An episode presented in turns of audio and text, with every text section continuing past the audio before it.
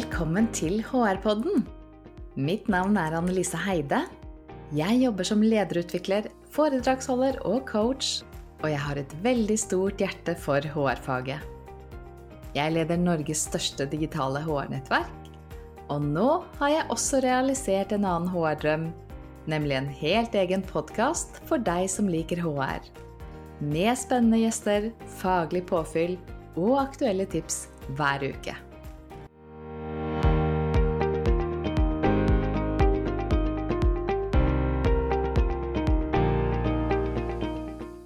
Velkommen til denne ukens episode av HR-podden.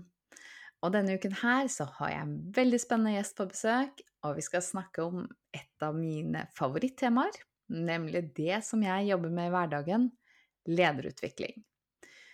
Og min gjest, hun har nettopp skrevet et bok på dette området. Hun har gitt ut boken som heter Ledere og ledelse i utvikling, og vi skal møte på Susanne Gjerde. Så jeg gleder meg veldig til denne samtalen, og vil bare ønske deg hjertelig velkommen til HR-podden, Susann. Takk. Vi får begynne med å la lytterne bli litt kjent med deg. Vil du presentere deg selv? Ja.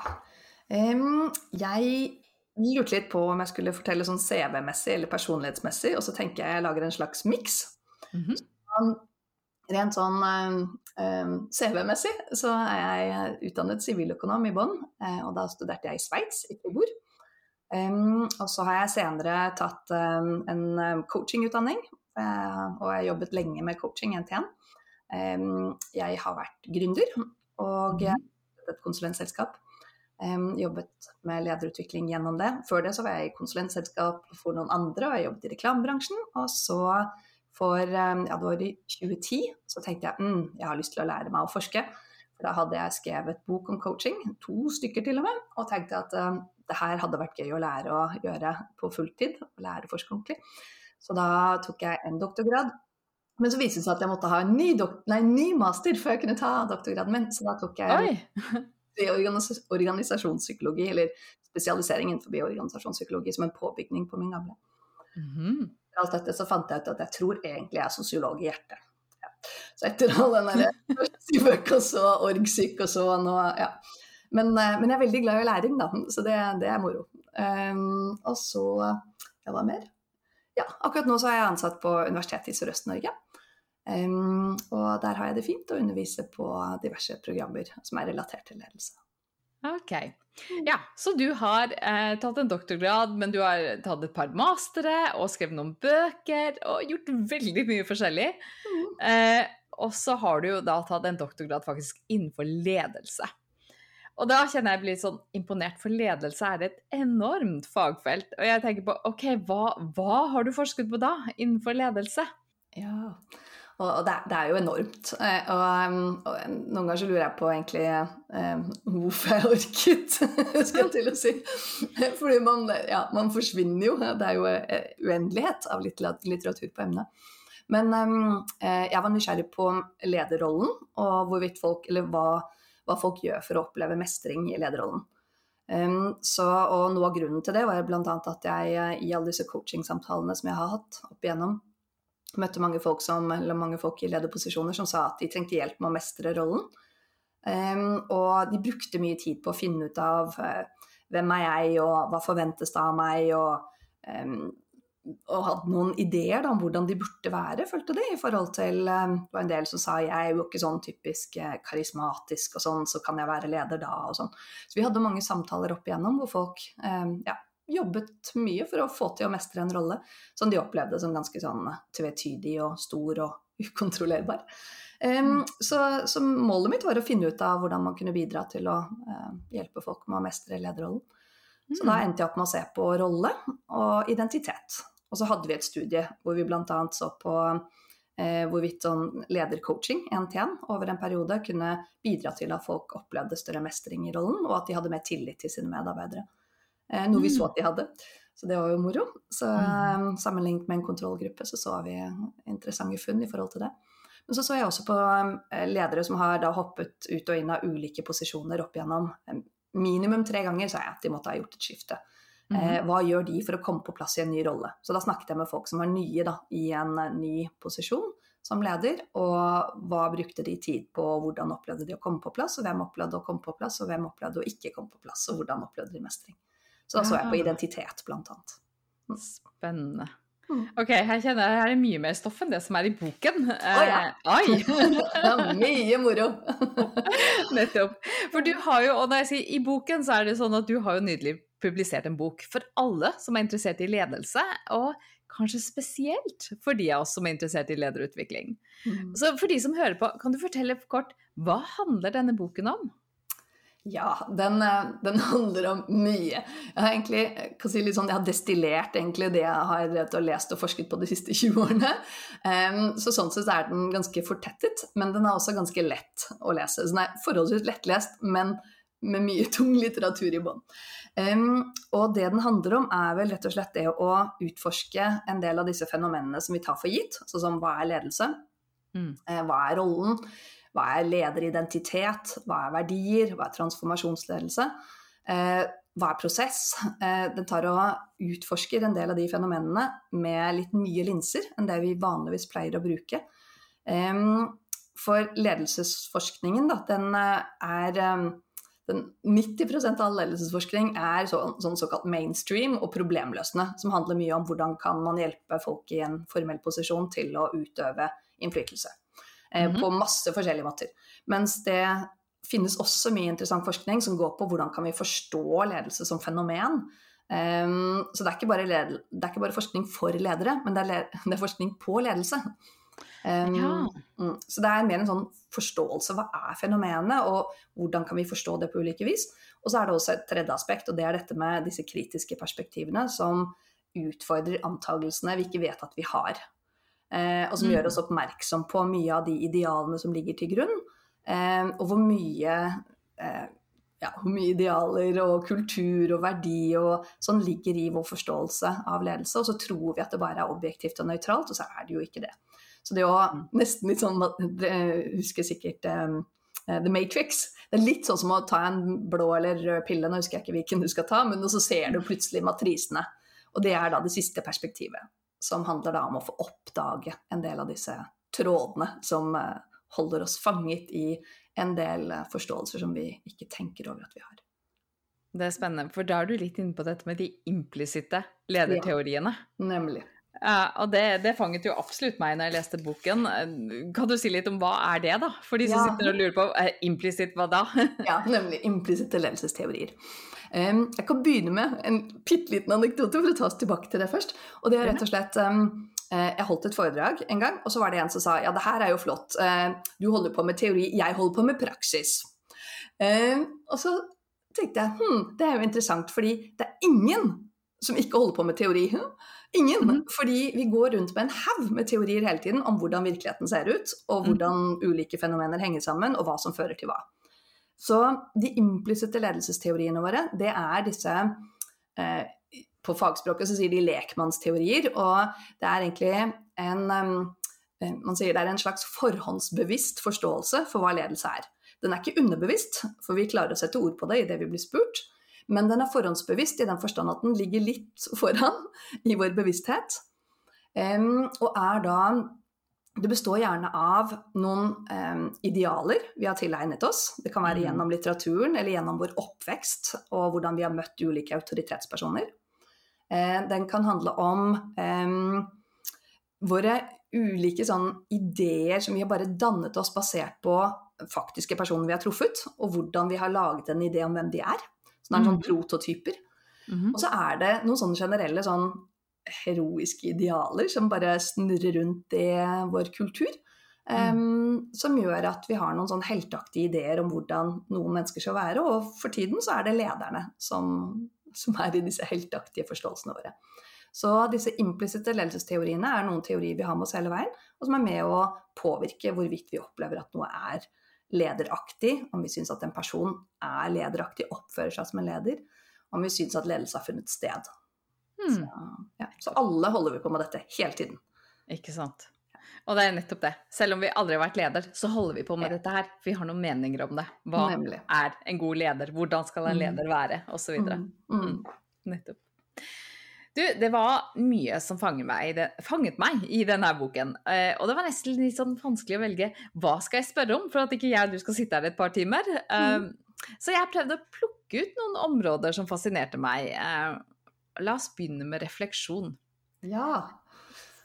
For en av de tingene som fanget meg, det var at du skrev om refleksjon, refleksivitet mm. og kritisk refleksjon. Eh, og plutselig så fikk jeg nye nyanser på dette begrepet, og kanskje en enda bedre forståelse for hva som er hva. Du, kan ikke du forklare dette til de som hører på? Jo.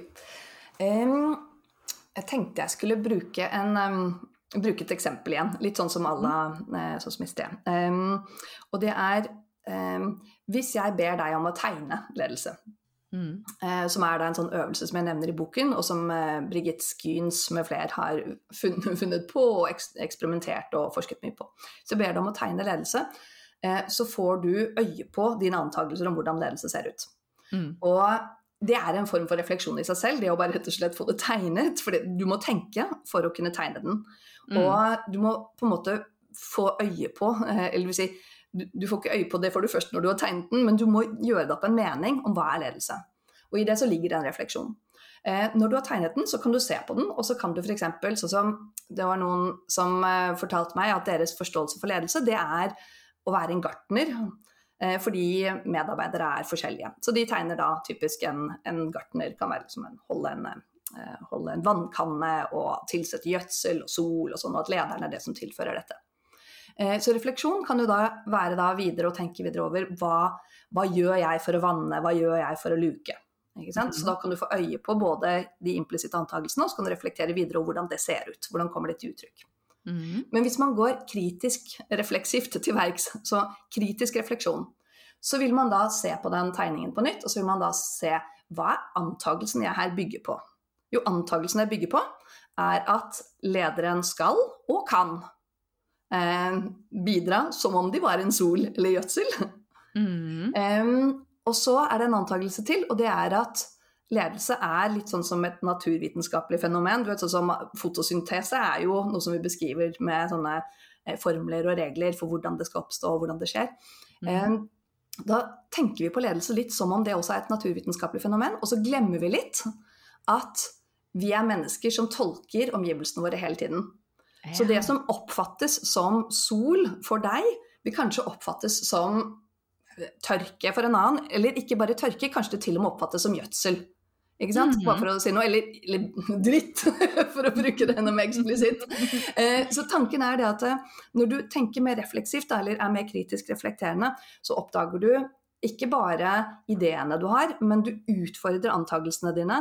Og her er da den antakelsen om at ledelse er et naturvitenskapelig fenomen som vi kan uh, forstå på den måten, og at det er noen sånne uh, At det er objektivt. Mm. Um, og det jeg ser med en person som bruker en sånn metafor, typisk kanskje vil si, er at ja, ja, nei, men det har jo tatt hensyn til at vi alle er forskjellige. Men, men det man ikke tar hensyn til, er at vi alle tolker den samme atferden på ulikt vis. Så når vi da um, reflekterer kritisk da, over våre antakelser, og kritisk over vår forståelse, så kan vi da eh, få øye på noe annet. Eh, det ene er jo da det som jeg nevnte nå nettopp, med at, eh, at, vi kanskje har en litt sånn naturvitenskapelig idé og forståelse om at ledelse er noe absolutt og objektivt, og hvis jeg gjør sånn, så skjer sånn. Mm -hmm. Noe som da den mer fortolkende og den kritiske ledelseslitteraturen vil si at ja, det kan du ikke ta for gitt. Og hvis vi begynner å tenke etter, da, så vil vi oppdage alle de gangene hvor vår intensjon om f.eks. å utvise omsorg eller bidra til vekst, kanskje oppfattes på et helt annet vis enn vi hadde intendert. da. Um, og så kan man utforske denne metaforen videre. Man kan tenke på er det virkelig sånn at en leder er nesten litt sånn hva skal si, um, gudeaktig i forhold til at de klarer å transformere en blomst til uh, noe mye større? Er, er, har folk den kraften? Er, og er det kanskje riktig at de skal ha den? Og så kan man leke videre med det, sånn som jeg snakket med en med en person her om dagen så sa jeg at uh, jeg skal gi deg gartner. Ja, de kan komme og treffe mine medarbeidere. Det er ikke mye blomster der, der er det busker. Bare det en nydelig metafor videre. Så det man gjør når man går mer kritisk reflekterende til verks, er å utforske de antakelsene man har, da. Mm. Og så litt tvil ved dem, plukke dem litt fra hverandre. Og grunnen til at det er viktig, er at vi får øye på mer.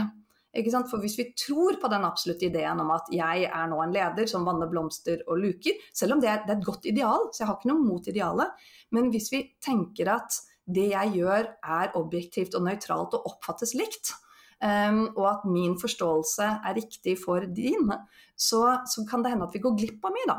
Um, og vi ser da ikke f.eks. kulturen som folk er i, vi ser kanskje ikke alle de strukturelle påvirkningene, vi ser kanskje ikke hva folk prøver å um, De som oppfattes som stikkebusker, kanskje de mm. egentlig bare prøver å opprettholde noe som er viktig for deres uh, profesjon. Kanskje det er viktig med en utfordring av det som skjer i organisasjonen. Kanskje ikke det er å være stikkete, kanskje det egentlig er ja. Ikke sant? Så poenget mitt er at kritisk refleksjon handler da om å utforske litt dypere og få øye på noe mer. Så vi blir litt klokere av det, rett og slett. Så, mm, ja. Nettopp. Mm. Refleksivitet, var det Ja. Og i forskningen så, så er, er, Folk bruker det noen ganger som sånn synonymer. Kritisk refleksjon og refleksivitet. Eh, mens de som er veldig sånn eh, flisespikkeri, så vil man si at kritisk refleksjon er da en referanse til kritisk teori.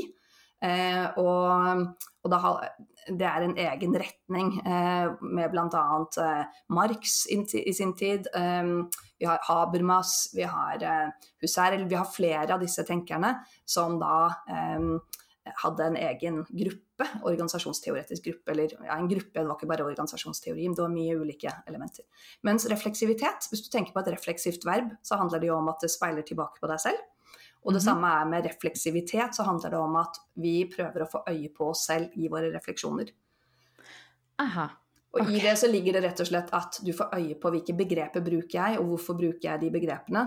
Og ut ifra de begrepene jeg bruker, så forstår jeg verden annerledes. Så jeg som da hvis jeg tar på meg organisasjonspsykologiske briller, så ser jeg noe annet enn hvis jeg tar på meg mine økonom, økonomibriller. sant, Så avhengig av hva slags type erfaring jeg har, hva slags type kunnskap og utdanning, så vil jeg tilegne meg ulike begreper og teorier, og de påvirker hva jeg ser. Mm. Når jeg er refleksiv, så ser jeg hva jeg ser. Ok.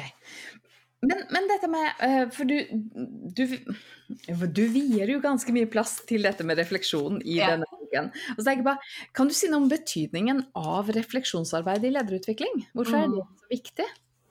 Og det er, det er, mange gode grunner. Nå skal jeg bare bla her, fordi se om jeg, så jeg ikke glemmer.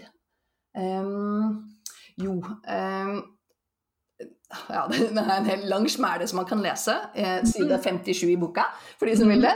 Eh, men, men um, en ting er jo det å lære seg å reflektere på egen praksis er jo veldig viktig i forhold til å stoppe opp innimellom og få øye på den atferden man har, og kanskje hvordan man påvirker folk og ikke påvirker folk. Så det er sånn typisk refleksjon. Mm -hmm. um, videre så uh, Det å ha en selvbevissthet, det å være klar over hvordan man oppfattes på andre og hva som er ens preferanser, det er viktig. Skal du få til endring, så er det viktig å se seg selv. Så Det er sånn mhm. typisk, sånn som du finner i alle lederutviklingsprogrammer, så er det litt sånn hvem er jeg? Og mm. folk bruker sånn typisk Joharis vindu, eller gjør en egen test for å finne ut hvem er jeg. Ja. Um, og så kan man, og så er det dette å koble teori og praksis som ofte er viktig. Hvis du lærer noen teorier, så trenger du å knytte det til egen hverdag. Så refleksjon er kjempeviktig i forhold til det. Men så mm. har du da den kritiske refleksjonen, og da er vi da opptatt av å, eh, å bli litt mer sånn, ta en litt mer sånn distanse til det vi da har lært, eller distanse til det vi tror vi har forstått.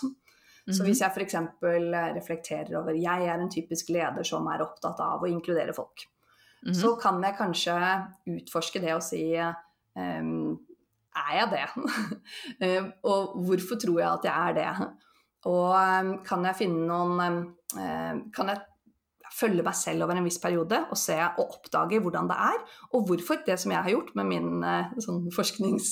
Um, si, ikke forsøkskaniner, holdt jeg på å kalle dem, men mine respondenter, eller de som har vært med i mitt studie, har vært å reflektere over hvordan de um, utøver sine verdier i hverdagen. Og det de oppdager veldig ofte, er at de ikke er så konsistente som de tror. Og så kan jeg be dem om å oppdage videre hvorfor det. Og det man ofte ser, er at jo, jeg har bare en idé om at jeg er, men så driver jeg litt sånn slalåmkjøring mellom ulike folk. Um, så derfor kan jeg si at jeg er veldig inkluderende i visse settinger, og så er jeg ikke det med andre. Men det er jo helt greit.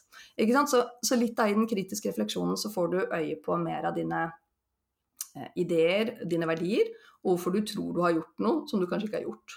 Ja. Mm. Så, og i det så blir du da ennå litt klokere. Det jeg tenkte på som også er litt sånn viktig, det er jo, man kan jo Når jeg forteller om dette her nå, så kan det høres ut som et sånt kjempestort arbeid som man skal gjøre.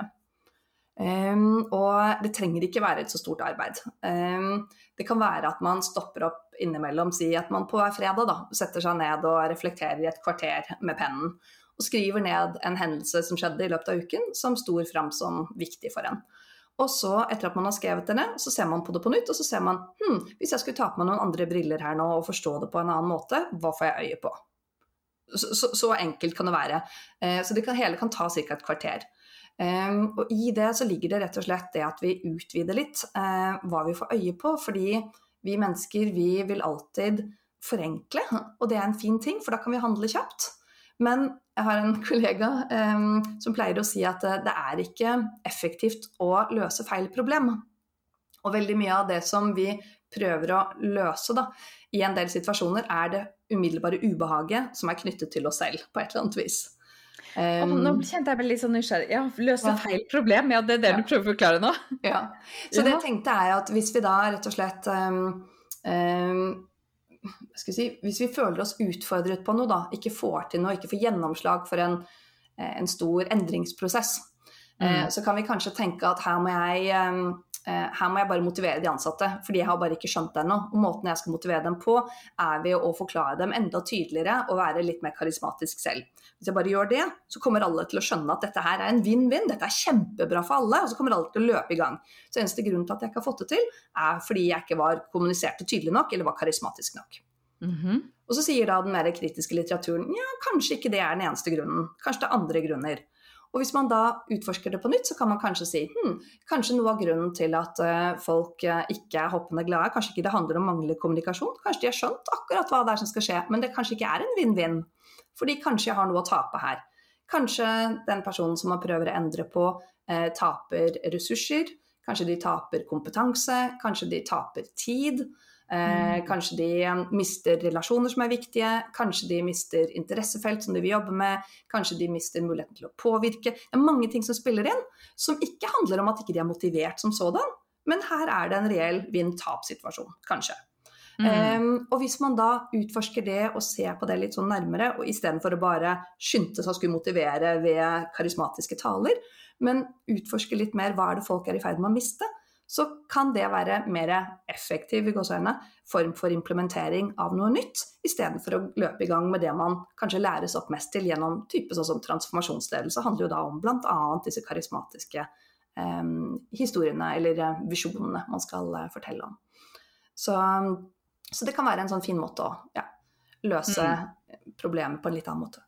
Ja, herlig. Og, og, da peker du egentlig på dette med vår tendens til å kanskje overforenkle ting. Ja. At vi tenker på hva kan være problemet, så kommer vi på én ting, og så bare hopper vi rett på det. Og så, ja. og så tenker vi at nå er det greit.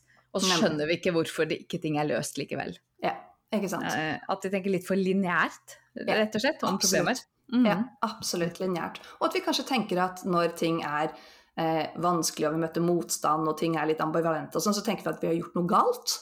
Istedenfor mm. å tenke at nei, organisasjonslivet er akkurat sånn som livet generelt. Svært lite absolutt. Alltid ganske tvetydig, veldig mye ambivalent, og faktisk en hel del helt uten kontroll. Ikke sant? Ja, ja. sånn er det. Og det er jo litt lettelse i det, da. Ja, det er sant, det. Mm. For da trenger ikke folk å føle at de må stå i bro for å fikse alt. Mm. Du, eh, skal vi se, hvor var vi? Refleksjon, betydning av refleksjonsarbeid, lederutvikling. Ja. Greit. Eh, og, og, og, mitt neste spørsmål var egentlig hvorfor egenrefleksjon er viktig i mm. ledelse. Ja, og jeg tror nok jeg har vært inne på mye av det ja, nå allerede. Men, ja. ja så, men, og det er så mye ulik greier man kan forske på og utforske og sånn. Så som jeg personlig syns det er veldig gøy å jobbe med verdier. For å få en mm. sånn bevissthet rundt verdier. Og idet vi forstår at våre verdier er, det er positive idealer, men de er ikke mm. absolutte. De er ikke nøytrale, og alle vil ikke være enige egentlig om at den verdien du mener er best og viktigst, nødvendigvis er det. Mm. Og så kan det også hende at folk tolker det helt ulikt. Men idet vi bare får øye på da, verdiene våre, så skjønner vi hvorfor vi synes noe er godt og riktig, og noe annet er galt og feil. Og så kan vi kanskje bli litt mer nysgjerrig på andre folks verdier. Så sånn sett kan egenrefleksjon i forhold til verdier være ganske viktig i forhold til å få større forståelse for uh, ulikhet. Og Mm. forstå at vi lever i veldig, veldig ulike verdener. Ja. Og så tenker jeg litt på hva kan, hva kan man gå glipp av hvis man ikke gjør det? Hvis ledere ikke tar seg tid til å reflektere og se seg selv litt utenfra og sånn. Mm. Hva er risikoen? Uh, well, um, hva skal jeg si, risikoen er jo annet at, uh, at de tror de eh, har rett, er best egnet til, og at deres svar er bedre enn et annet svar. Mm. Og eh, det Det er Hvis du skal prøve å påvirke noen, da, så kan det være lurt å møte folk der de er, med en undring og forståelse for ulikhet. Um, og det å, så, ja, det å bare, bare det å forstå i seg selv at verdier, selv om de er positive idealer, ikke er nøytrale og absolutte. Selv om vi skjønner det, så glemmer vi det. For det er litt sånn Ja, men det er jo riktig. Sånn skal det jo være. Ja, hvorfor det? Ja, og så er det noe med hva si, Jeg snakket akkurat med en leder som har dette med rettferdighet, som er en veldig sterk verdi. Ja. Eh, og, og rettferdighet er jo så vanskelig, for det er sosialt konstruert. Ja. Det som er rettferdig for meg, Mhm. behøver jo ikke oppleves som rettferdig for deg, selv om vi har det som verdi begge to. Nemlig. Så vi kan ha helt ulike forståelser for det samme. Ikke bare det, men vi kan jo også være hemmet. Vi kan ha litt sånn tvangstrøyer i forhold til verdier som vi har med oss hjemmefra. Fra Mm. egen oppvekst, i forhold til hvordan det skal være og må være. Mm. Um, det å få lov til å utforske det og plukke det litt fra hverandre og sånn, er en kjempebefrielse for veldig mange. Fordi eh, man, ja, mange som føler seg eh, kneblet og tvunget eh, og holdt tilbake av en del sånn familieverdier. Åh, ja, nå begynner du å snakke om mye spennende vi kunne fordypet oss i. Dette har du sikkert jobbet mye med i coachingen. Hvordan vi begynner å grave litt på hva ligger under. Hvorfor er vi akkurat sånn som vi er? Og de tingene vi ikke har, er bevisst på selv engang, som driver oss. Mm. Spennende. Ok, vi får holde oss til denne boken, og ikke de gamle. I hvert fall i denne runden. skriver jo litt om verdier i denne boken også, så for de som har Ja, lyst er til å se litt verdier, så viser jeg til en del eh, interessant verdiforskning der. Så det er okay. bare å inn i verdikapittelet også. Mm. Herlig. Så vi har snakket om at verdier er viktig, vi har med oss noen idealer. Eh, vi begynner litt med oss selv og hvem vi er. Eh, og jeg vet at det er mye snakk om autentisk ledelse i disse dager. Det å være ekte. Mm. Men hva da med rollen? For ledelse er jo også en rolle vi tar på oss. Mm. Mm. Eh, hvordan bringer du inn dette med rolleforståelse når du jobber med lederutvikling? Hmm. Um, hvis jeg kan bare hoppe litt tilbake til autentisk først.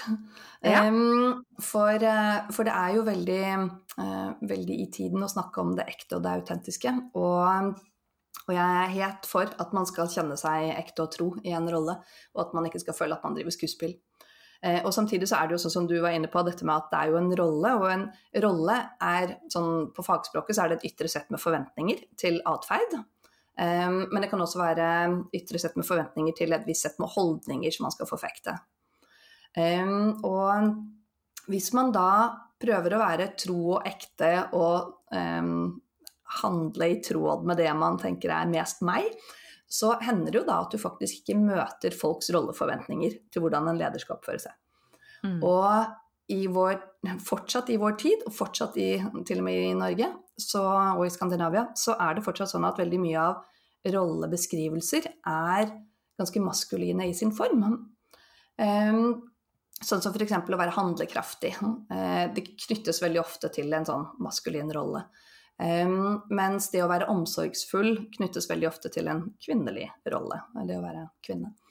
Mm. Um, og hvis man da eh, hvis man da ikke møter på rolleforventninger med at en kvinne f.eks.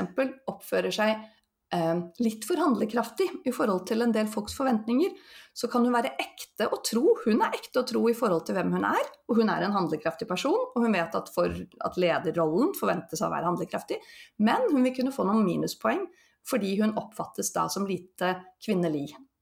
Så på spissen. Ikke Og um, ikke bare det, men det er også sånn eh, når en, det, her, det var et studie som kom nå nylig, jeg tror det var 2021, som så da på at um, hvis da en, eh, en Det her var um, folk som gikk inn i lederroller høyt oppe i organisasjoner. Hvis da en kvinne fortalte om tidligere eh, positive suksesser i sin tidligere, arbeid, tidligere roller, så slo det negativt ut. Mens når en mann gjorde det, så slo det positivt ut. For når hun gjorde det, så skrøt hun unødvendig og fremhevet seg selv. Så det, sånne, ja, så det er noen sånne, forventninger som vi, vi, tenker og tror at du skal være ekte og tro, og det er fint. Og samtidig så er det lettere å være ekte og tro hvis du ligner på det vi tenker på som typisk lederaktig, um, som fortsatt en dag i dag er um, hvit. Um, litt eldre, ikke liksom altfor ung, så si 40 pluss, da. Mm. Uh, kler seg på en spesiell måte, snakker på en spesiell måte handlekraftig. Ja, så vi har fortsatt en del sånne ideer og forventninger. Og igjen, mm. det kommer veldig an på hvilken kontekst du er i. For i andre mm. Kontekster og miljøer så vil man kunne ha andre forventninger til at man skal oppføre seg sånn og slik. Så, men i hvert fall, disse ytre forventningene påvirker oss hele tiden, da. Så mm. litt sånn tilbake til spørsmålet ditt om hvordan jeg jobber med folk med, med rolle, så er det det å bare få øye på Eh, hvordan forstår man rolle? At rolle kan være både sånn funksjoner, så et sett med oppgaver som det er forventet at du skal gjøre, men det kan også være den mer symbolske, som er mer sånn teatermetaforrollen, som er hvordan man skal kle seg, hvordan man skal te seg, hvordan man skal snakke. Eh, ja. Mm. Eh, så gjør, bare gjøre folk oppmerksom på at det er litt eh, Og den derre te seg og kle seg og den liksom teatermetaforen for rolle, mm. eh, det handler mye om hvordan vi samspiller med andre. Så hvis vi mm. oppfører oss sånn som folk i vår organisasjon tenker at en, oppfører, nei, eller en leder oppfører seg, så oppfattes vi som mer ekte samtidig. Mm. Uansett om vi er det eller ikke, satt på spissen. Um, Nettopp. Ja. Ah, ok.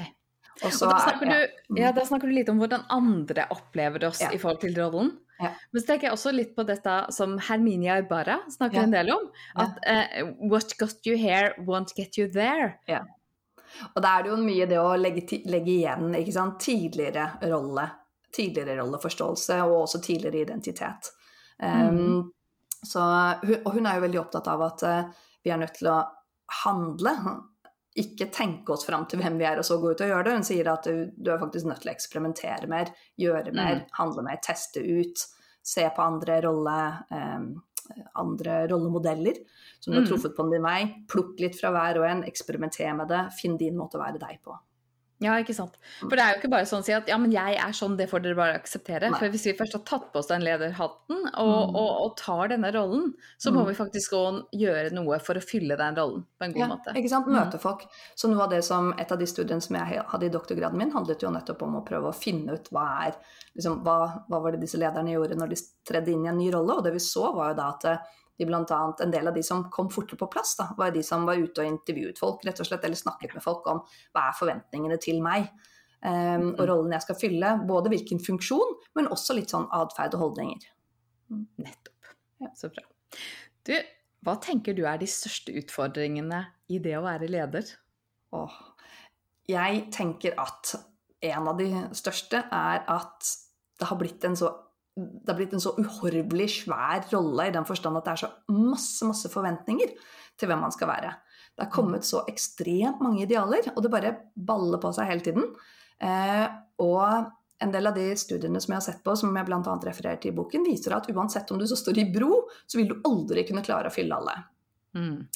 Eh, så noe av utfordringen ligger jo da i å eh, skal jeg si, eh, forstå at at mye av det, når folk er liksom sinte på lederen Og nå misforstår meg rett. Det, mm. Jeg sier ikke at, eh, at, det ikke finnes dårlige ledere, og, og, så det er ikke det.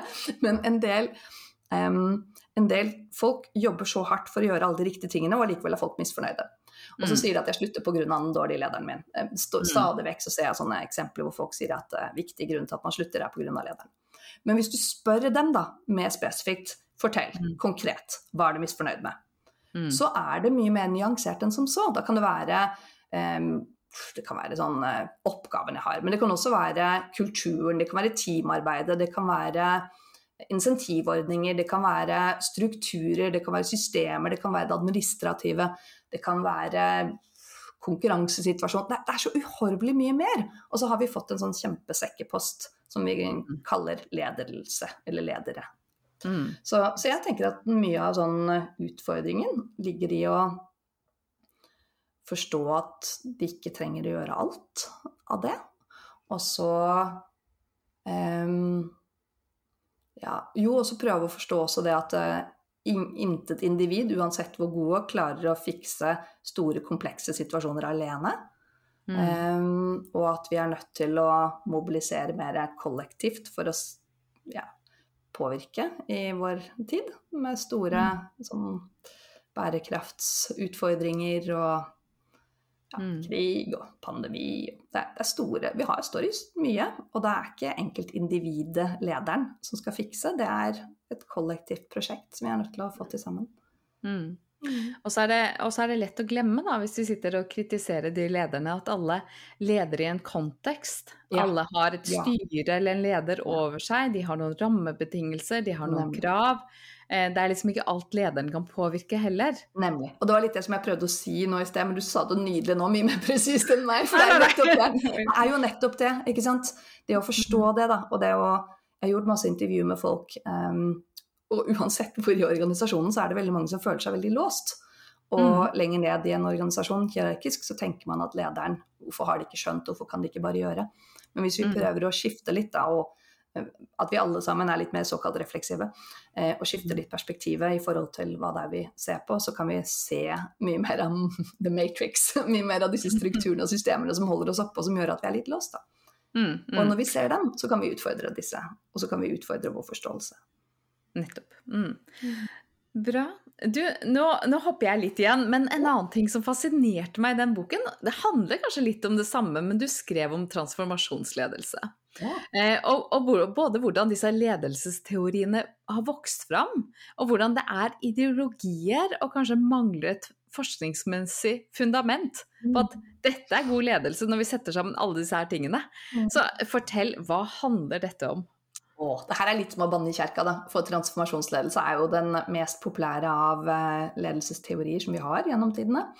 Og den er svært, svært gjennomutforsket, og man har veldig masse funn, robuste funn i forhold til en slags samvariasjon. Så gjør at man ser da at det er en korrelasjon, da, eh, samvariasjon, mm -hmm. mellom eh, det man måler som transformasjonsledelse og utfall. Så, mm -hmm. ja. Eh, og samtidig så er det masse målefeil, vet man, i forhold til måleinstrumenter.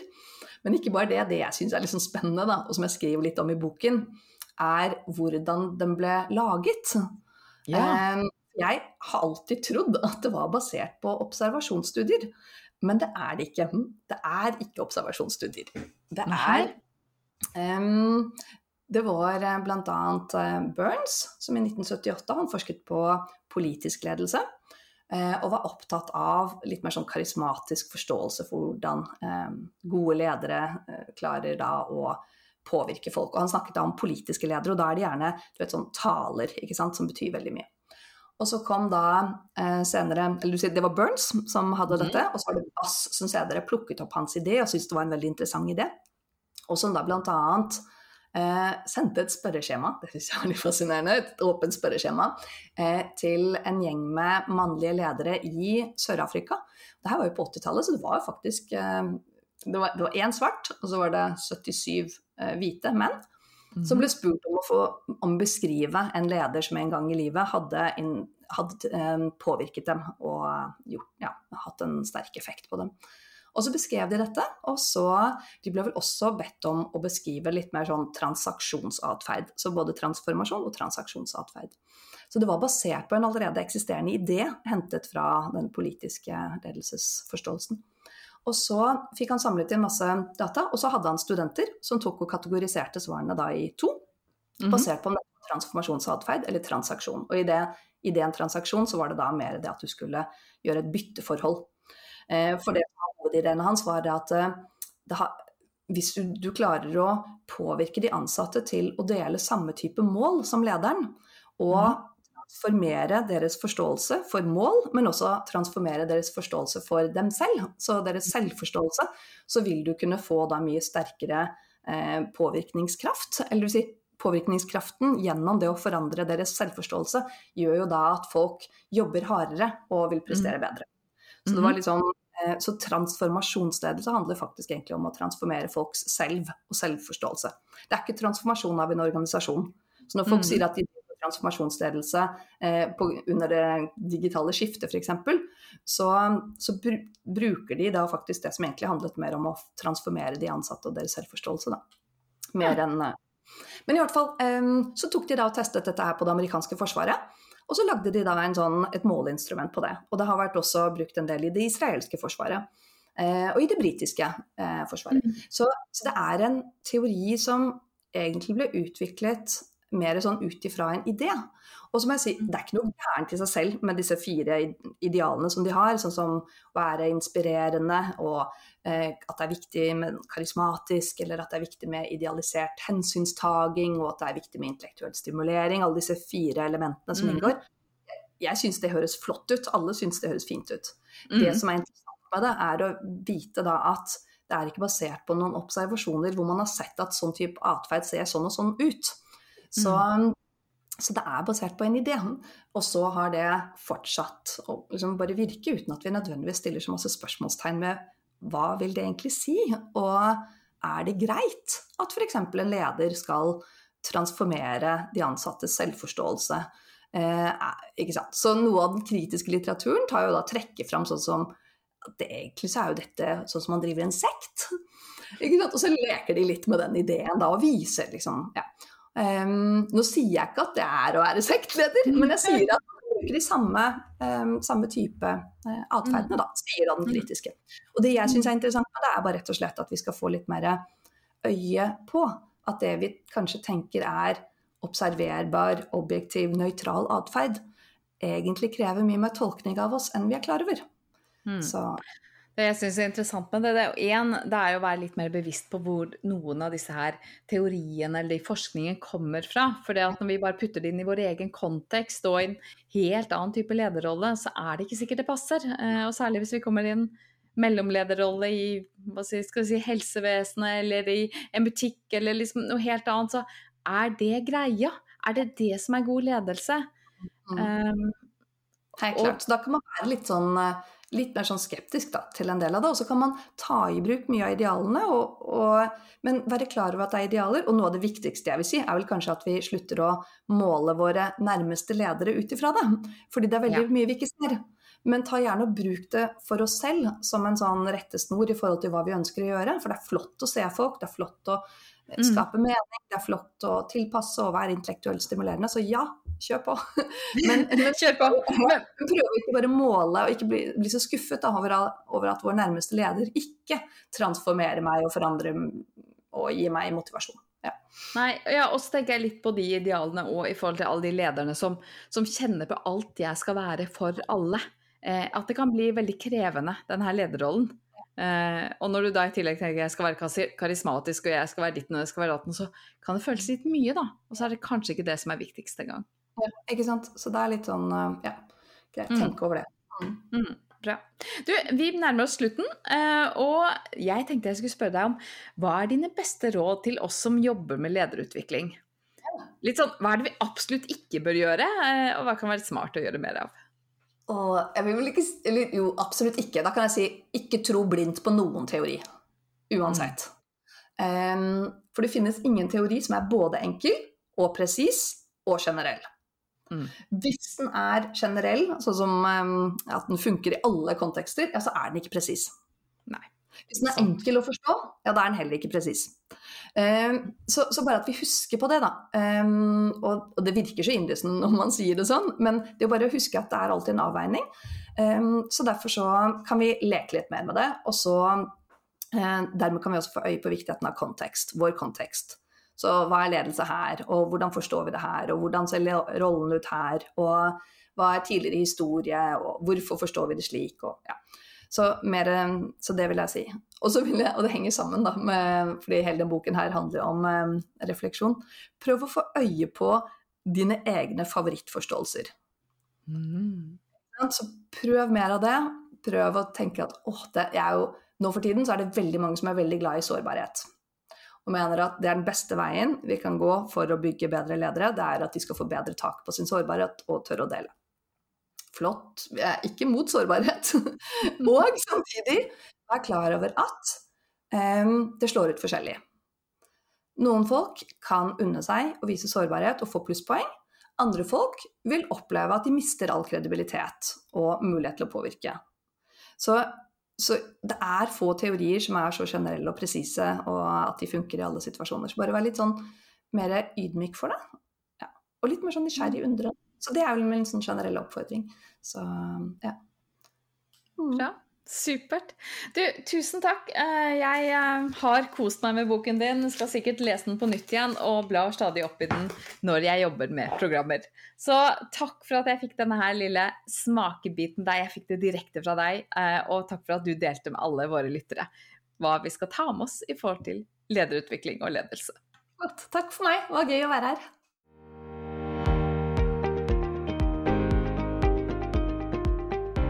Synes du dette var nyttig? Tips gjerne en venn eller kollega om episoden, sånn at flere kan få glede av det vi deler. Følg HR-podden på Apple eller Spotify for beskjed om nye episoder. Eller bli med i den gratis nettverksgruppen Digitalt HR-fellesskap på LinkedIn for tips om neste episode. Vi høres!